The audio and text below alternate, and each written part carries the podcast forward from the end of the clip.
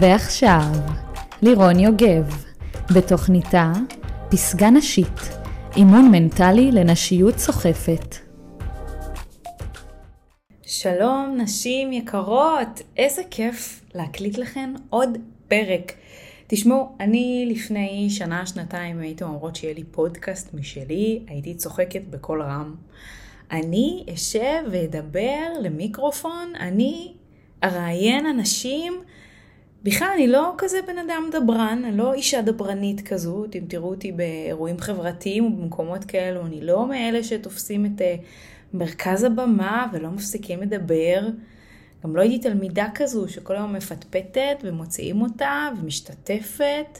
הייתי סך הכל ילדה די ביישנית. ולהיות בסיטואציה הזו שיש לי פודקאסט, שנשים מקשיבות ומגיבות ואומרות כמה ערך הן מפיקות, מבחינתי זה באמת וואו. ואני רוצה לנצל את הרגע הזה ולהגיד תודה. אני לא לוקחת את זה כמובן מאליו בכלל, ואני יודעת שאת עכשיו מאזינה לי ואת uh, בהליכה, או עושה משהו, או אפילו סתם יושבת, שותה כוס יין. ואני רוצה להגיד לך תודה, תודה שאת כאן, תודה שאת בעצם בוחרת לשמוע את מה שיש לי להגיד. היום יש לנו נושא באמת אחד החשובים שאני חטאתי לקחת אותו מאוד כמובן מאליו המון המון המון שנים. אמ, זה משהו שאני מודה, תמיד הייתי טובה בו, ובגלל זה הרשיתי לעצמי לזלזל, להגיד מה זה שטויות. ולאורך השנים, כל פעם נשים שהיו מגיעות אליי לסדנאות שלי, לקליניקה, או נשים שהתעניינו בקורסים הדיגיטליים שלי, היו אומרות לי, אבל לירון, למה את לא מדברת על הנושא הזה? ולקח לי הרבה זמן להבין שזה לא משהו שהוא מובן מאליו אצל כולן, ואני חושבת שמי שתיקח את הפרק הזה ותקשיב לו לפחות פעמיים, תוכל ממש לעשות שינוי רציני בנושא הזה. אז היום אנחנו יכולות לדבר על ניהול זמן, אבל לא סתם ניהול זמן, אלא ניהול זמן של אישה שהיא יודעת שהיא ככה מעריכה את עצמה מאוד. הרבה נשים אומרות לי, הלוואי והיו לי עוד שעות בשעון, הלוואי והיו לי עוד ימים בשבוע. ואני תמיד, תמיד מחזירה את כולן לאותה נקודה, שלכולנו יש את אותם שעות בדיוק, אותם ימים בדיוק, ומה שאנחנו בוחרות לעשות עם הימים האלו ועם השעות האלו, זה מה שעושה את כל ההבדל. עכשיו, נכון זה נשמע קל ברמה מעצבנת, שכאילו, טוב לירון, נו מה חידשת? אבל לא. מה שאני הולכת לחדש לכם זה גם מודעות וגם פרקטיקה. כי ממש חשוב לי שתבינו את הרמה הגבוהה של ניהול זמן, ואחר כך אנחנו קצת נצלול לכלים פרקטיים שאני מיישמת בעצמי, ואני מאמינה שאתם גם אחרי הפרק הזה תוכלו גם ליישם בעצמכם. אז בואו נתחיל מהמונח של מה זה זמן בכלל? מה זה זמן? ולמה אני צריכה לדעת לנהל את הזמן שלי? אז נתחיל מחברה טובה שאמרה לי יום אחד, לירון, אין זמנים. עכשיו, היא אמרה לי את זה בתקופה שהיא לא הייתה פשוטה עבורי. וחקרתי קצת את המונח הזה, אין זמנים. ובאמת, אם נלך שנייה לעולם הגבוה יותר, הרוחני, הקבלי, הכוונה אין זמנים זה להגיד שכל דבר שצריך לקרות יקרה בזמן הנכון שלו. אין זמן אחד אין רגע אחד שבו אפשר לעשות משהו.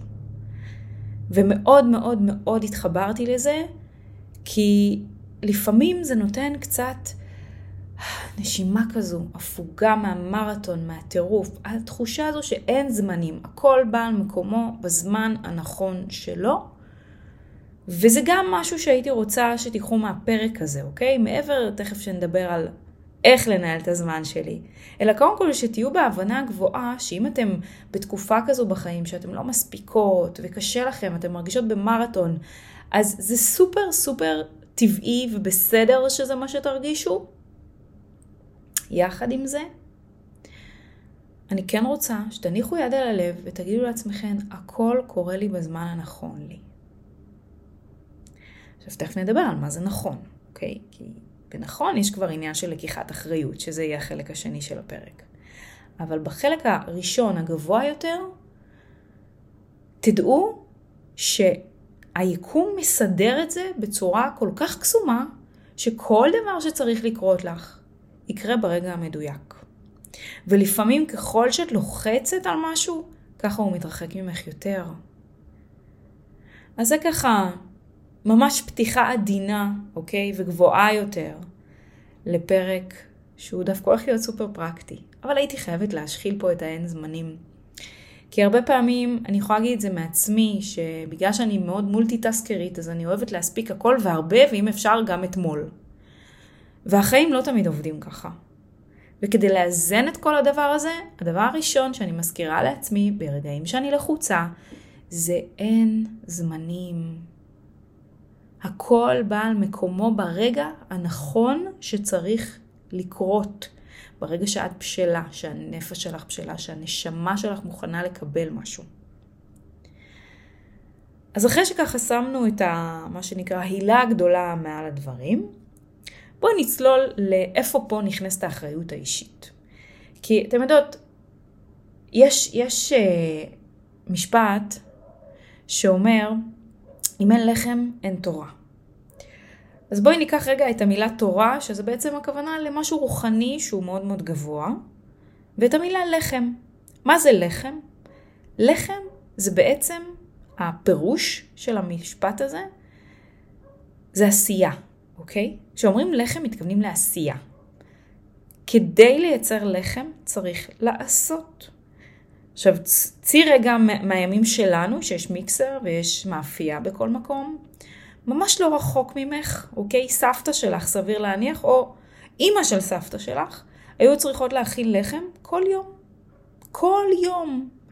לקום, לקנות חיטה, בימים קודמים זה גם היה לקצור את החיטה, אמ, ללוש, להטפיח, לקום לפנות בוקר, כדי שיהיה לכל המשפחה לחם טרי, כי לא היה מקרר, ולא היה איפה לאחסן, ולא היה מאיפה לקנות. לחם שווה עשייה. עולם העשייה.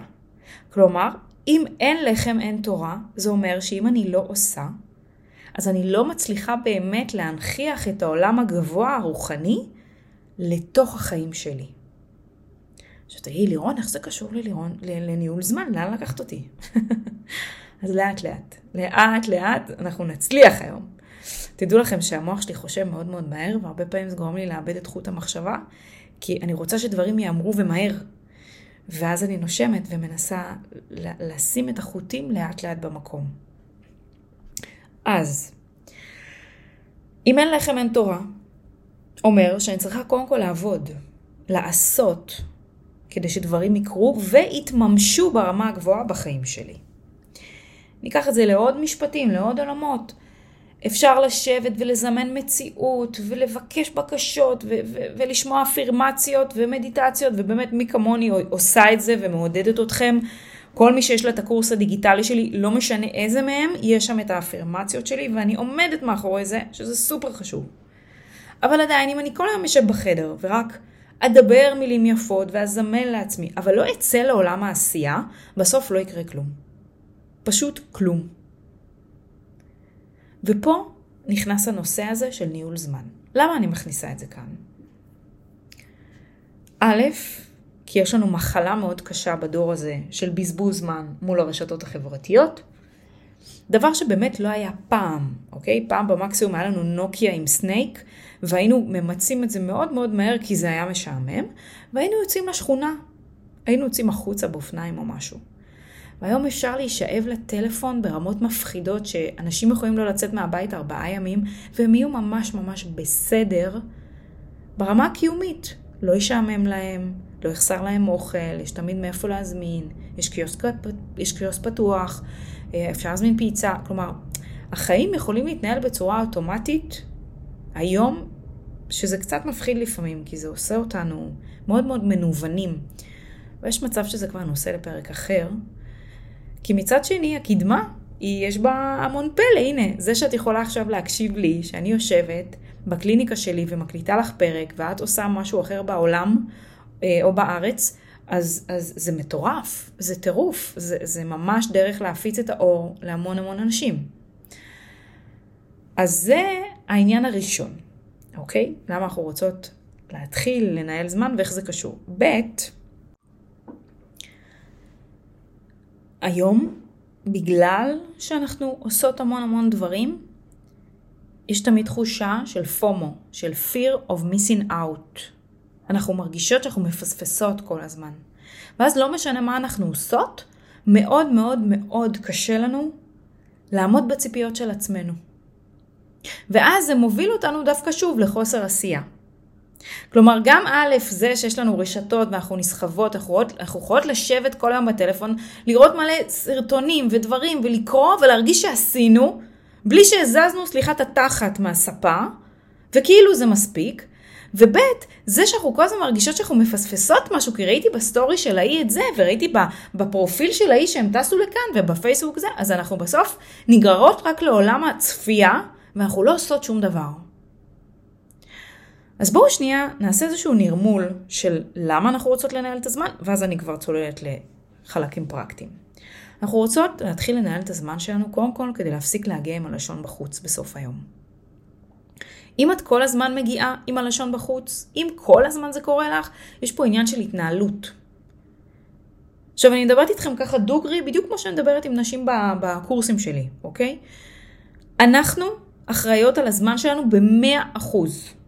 אנחנו לא קורבנות, אנחנו לא מסכנות, אנחנו היום לא מנוהלות, גם מי שעובדת כשכירה ויש לה בוס, היום התנאים הם פסיכיים, עבודה מהבית, ואת אדון לזמנך. ואם את לא תדעי לנהל את הזמן שלך, את תמיד תלכי לישון בתחושה של החמצה.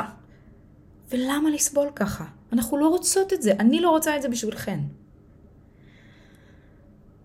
דבר שני, אני רוצה שתבין שזה קשור לדימוי העצמי שלך, שככל שאת מספיקה יותר, ולא דוחה דברים, ולא ככה גוררת את הזמן שלך איפה שאת לא צריכה, האמונה שלך בעצמך תעוף לשמיים, וזה יזמן לך דברים מטורפים לחיים.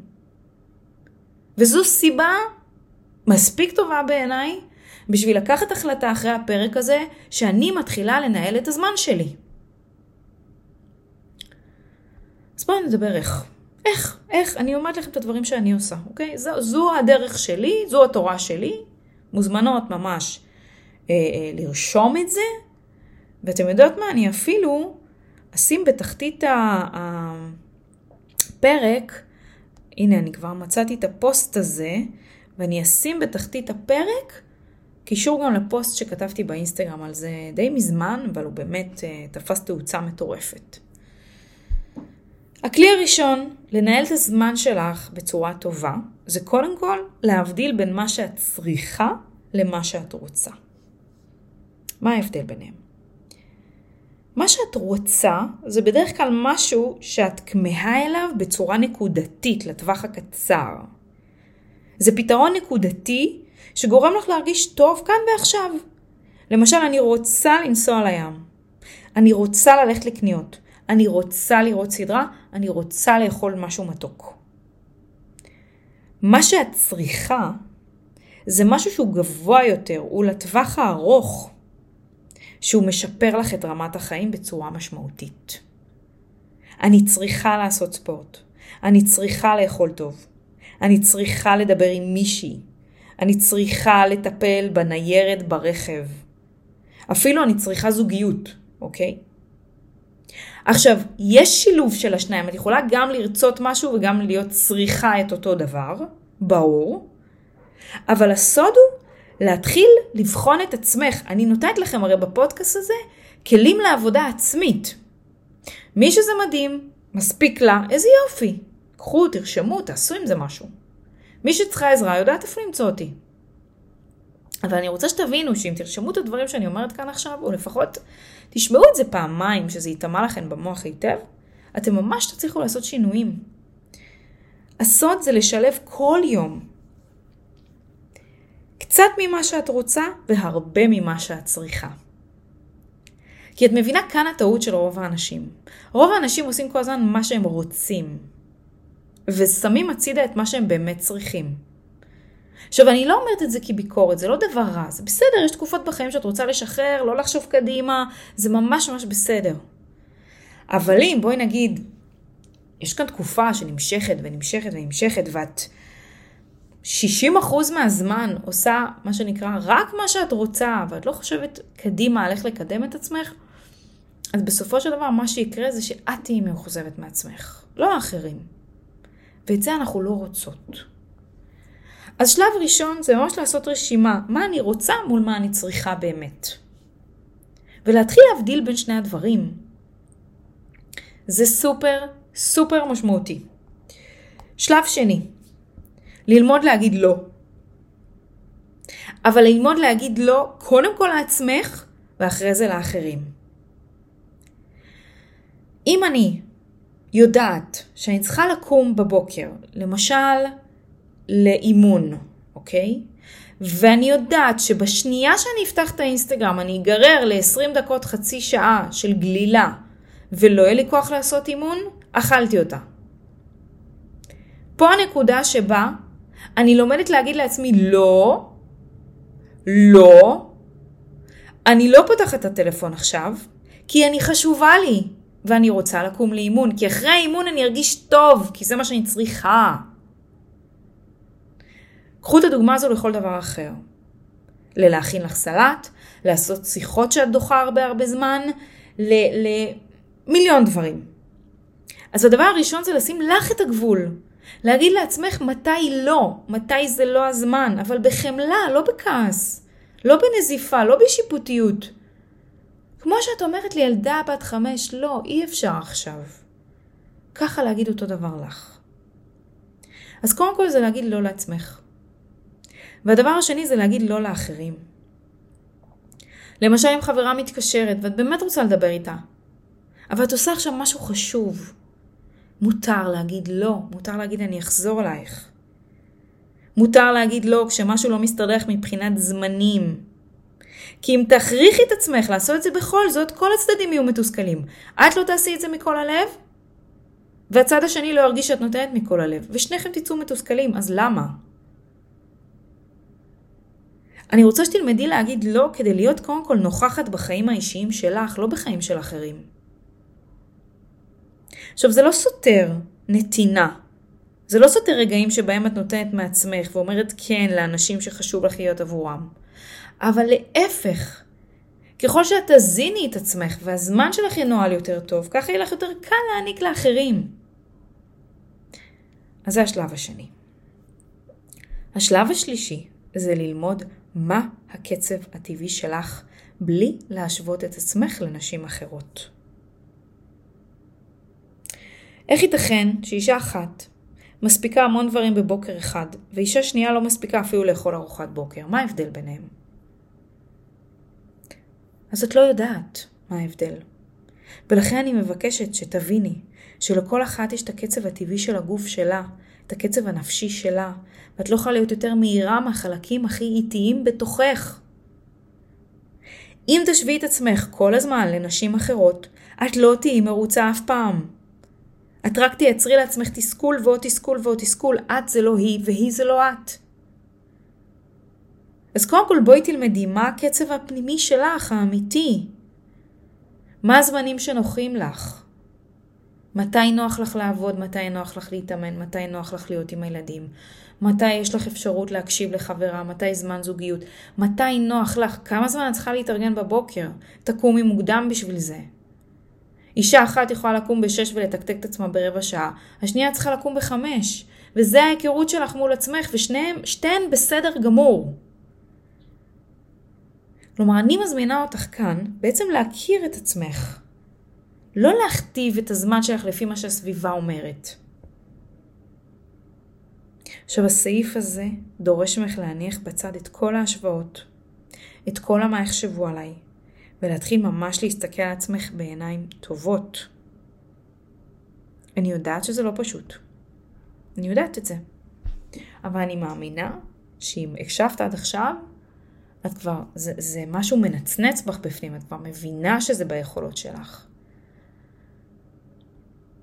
עכשיו תראו, אלה שלושת הכלים שאני משתמשת בהם כדי לנהל את הזמן שלי. עכשיו שימו לב שזה כלים פנימיים, מה, מה נתתי לכם פה? כלים של תודעה. לא נתתי פה אה, לוז, שימי שעון מעורר בשעה חמש וחצי, לא. למה? כי אין נכון אחד לכולנו, אין. לי טוב אה, לרוץ בבוקר ולשנייה טוב בשמונה בערב. שתינו אחלה. את צריכה בבוקר 50 דקות להתארגן, היא צריכה 20. את צריכה משחק מקדים של שעה, היא צריכה משחק מקדים של 10 דקות. היא זה היא, את זו את. עכשיו שוב, השוואה זה הדבר הכי טבעי שיש. אבל זה לא יכול להיות מה שמנהל אותך. אז בואי נסכם. הנושא הזה של ניהול זמן מתחיל קודם כל ברמה הגבוהה התודעתית של להאמין בעצמך. להאמין בעצמך, להאמין שמה שמדויק יגיע אלייך, להאמין ביכולות שלך. זה קודם כל, זה לסמוך על היקום שאין זמנים, ושהזמנים שלך זה לא הזמנים שלה שכתובים בשעון, וכל אחת יש לה את הזמן שלה ואת הברכה בזמן שלה, והכל בסדר. אבל לא לשכוח שאנחנו לא רק יושבות על ענן גבוה, אלא אנחנו גם מורידות הכל לעולם העשייה. ואנחנו מקשיבות, קשובות לעצמנו, ומבינות שאנחנו יכולות לקחת את הזמן לידיים שלנו כדי להרגיש הרבה יותר טוב עם עצמנו, כדי להעלות את הדימוי העצמי שלנו, כדי להרגיש שאנחנו באמת באמת ראויות. אז נתתי פה שלושה כלים מאוד מאוד פשוטים.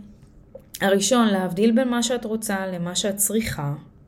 השני, ללמוד להגיד לא, גם לעצמך וגם לאחרים. והשלישי זה ללמוד מה הקצב הטבעי שלך בלי להשוות את עצמך לאחרות. עכשיו, אני רוצה להגיד פה כמה מילים על גבולות, כי אני יודעת שזו נקודת תורפה של הרבה הרבה נשים. גבולות, הרבה אנשים מפחדים להציב. כי גבול יכול להיתפס לפעמים כמשהו מאוד מאוד קר ולא חברותי, ואנחנו לא רוצות שאנשים יכעסו עלינו או יתאכזבו מאיתנו, וזה ברור. העניין הוא שכשאנחנו לא מציבות את הגבול, אנחנו קצת פוגעות בעצמנו. כי גבול גם מייצר המון המון ביטחון. וכשאת מציבה גבול, הבן אדם מולך יודע איך להתנהג איתך. אז זה טוב לו וזה טוב גם לך. עכשיו, אני מצאתי שלוש סיבות עיקריות שקשה לנו להציב גבולות. הסיבה הראשונה, כי אנחנו פוחדות לאבד משהו. אנחנו מרגישות שגבול בעצם הופך אותנו לחסרות רגש, לנשים קרות. אבל זה בדיוק הפוך, וזה משהו שאני כבר רוצה לשבור לך כאן. נשים שיש להן גבולות הן נשים שמכבדות את עצמם ומכבדות את האחרים. כי זה נוח שיש גבול, כי אז את יותר בטוחה בעצמך, את יודעת מה לעשות, וזה שמולך יודע מה לעשות איתך. עכשיו, אם אנחנו חוששות שאם נשים גבול אנחנו מאבד משהו או מישהו, זו אמונה מגבילה, אוקיי? אני רוצה שתדעו שזו אמונה שמגבילה אתכם בחיים, שאני מאוד ממליצה לכם לעשות עבודה ולהשתחרר ממנה.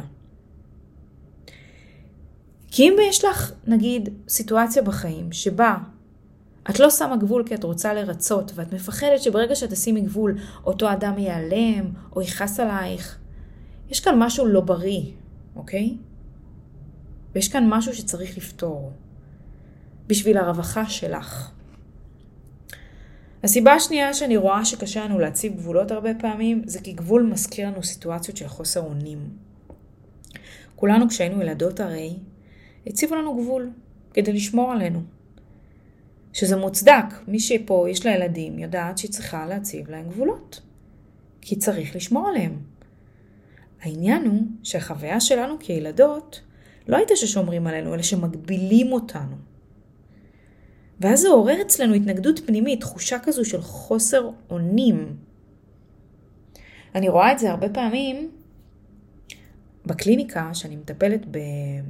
מי שמכירה, שיטת EMID, זה טיפול במיגרנות, בקושי רגשי, בפוסט טראומה ובטראומה.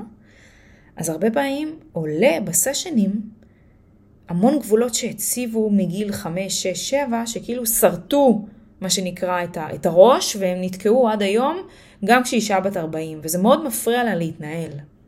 אנחנו ממש מצליחות להתיר את הקשרים שם ולהרפות את, ה, את הקשר הזה שנוצר שם בעקבות הגבולות, שזה דבר מדהים. ואני ממש אספרת לכם את זה, כי אני רוצה שתבינו שזה משהו שניתן לעשות איתו עבודה, המוח שלנו הוא מאוד מאוד גמיש. וזה חלק מהעניין, שכאישה בוגרת את מבינה היום שגבול יכול להיות מאוד חיובי וחשוב.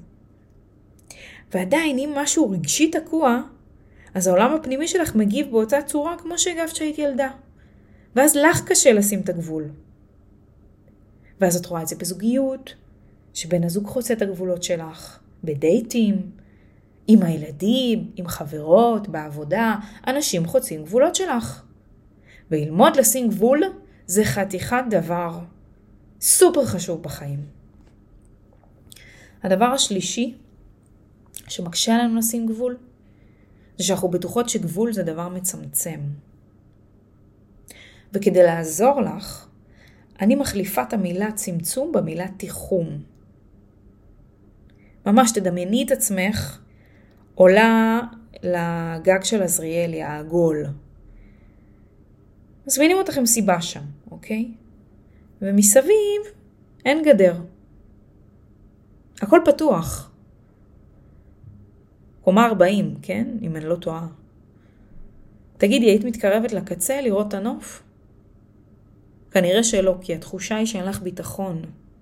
כי אין שם שום חוצץ. זה מפחיד, אפשר ליפול. ותדמייני לך שאת עולה על הגג הזה, אבל הגג מגודר בזכוכית יפה כזו מסביב. במקרה כזה, שיש גבול בינך לבין כדור הארץ שם בחוץ, היית מתקרבת עד הקצה ואפילו מסתכלת למטה. כי הגבול היה נותן לך תחושה של הגנה. וככה פועל גבול שהוא נכון. גבול שהוא נכון יכול לתת לך ולכל מי שסובב אותך המון ביטחון. שמחי עליי שגברים למשל מאוד אוהבים גבולות. מאוד. וגם ילדים. עכשיו, העבודה על גבולות היא מאוד עמוקה, אני לא מתיימרת אה, לפתור לכם פה נושא אישוס של גבולות בפרק אחד של פודקאסט, אבל זה בהחלט חשוב שתקשיבו לפרק הזה אפילו פעמיים, כדי להבין שהעבודה על גבולות היא כל כך עמוקה, וברגע שאת עושה את השינוי הפנימי, הרבה יותר קל לך להציג גבולות, ואנשים סביבך מעריכים אותך יותר. אני רוצה שתצאי מנקודת הנחה שאת לא מפסידה שאת מציבה גבול. אנחנו חייבים גבולות במידה מסוימת בחיים שלנו. וככל שיותר תיכנסי פנימה בנושא הזה, ככה החיים שלך יהיו יותר נינוחים. ויש מלא אפשרויות לעבוד עם גבולות, אוקיי? מלא מלא מלא. אמ, בתהליך הקבוצתי שאני פותחת עוד חודש, אנחנו ממש הולכות לעבוד על זה, זה תהליך קבוצתי, נבחרת נשים מצומצמת בזום. אתם כבר יודעות איפה למצוא את זה, נכון? באינסטגרם שלי, לשלוח לי הודעה פרטית, והיידה, אתם חלק מהנבחרת. וזה סופר חשוב. אז אל תפחדו מהעבודה הזו, לא לפחד מהעבודה פנימית, לא על גבולות, לא על ניהול זמן. וואו, כמה נושאים כיסינו פה היום. אני ממש שמחה. לא הייתי בטוחה שאני אספיק את הגבולות, והנה, הספקתי. אז אה, וואו, אני מקווה שנהנית. מקווה שנהנית מהפרק הזה, כמו שאני נהנית להקליט לכם. ושהפקת ממנו ערך. אני תמיד אוהבת לקבל מכם את ההודעות שמספרות לי מה לקחתן, וגם מה עוד הייתם רוצות שאני אקליט, לא להתבייש, תכתבו לי לגמרי. ואני מאחלת לך שיהיה לך המון אומץ גם לשים גבול, גם להאמין שהכל מדויק לך, וגם לדעת לנהל את הזמן שלך באמת כמו אישה שאוהבת את עצמה ומעריכה את עצמה. ביי אהובות שלי.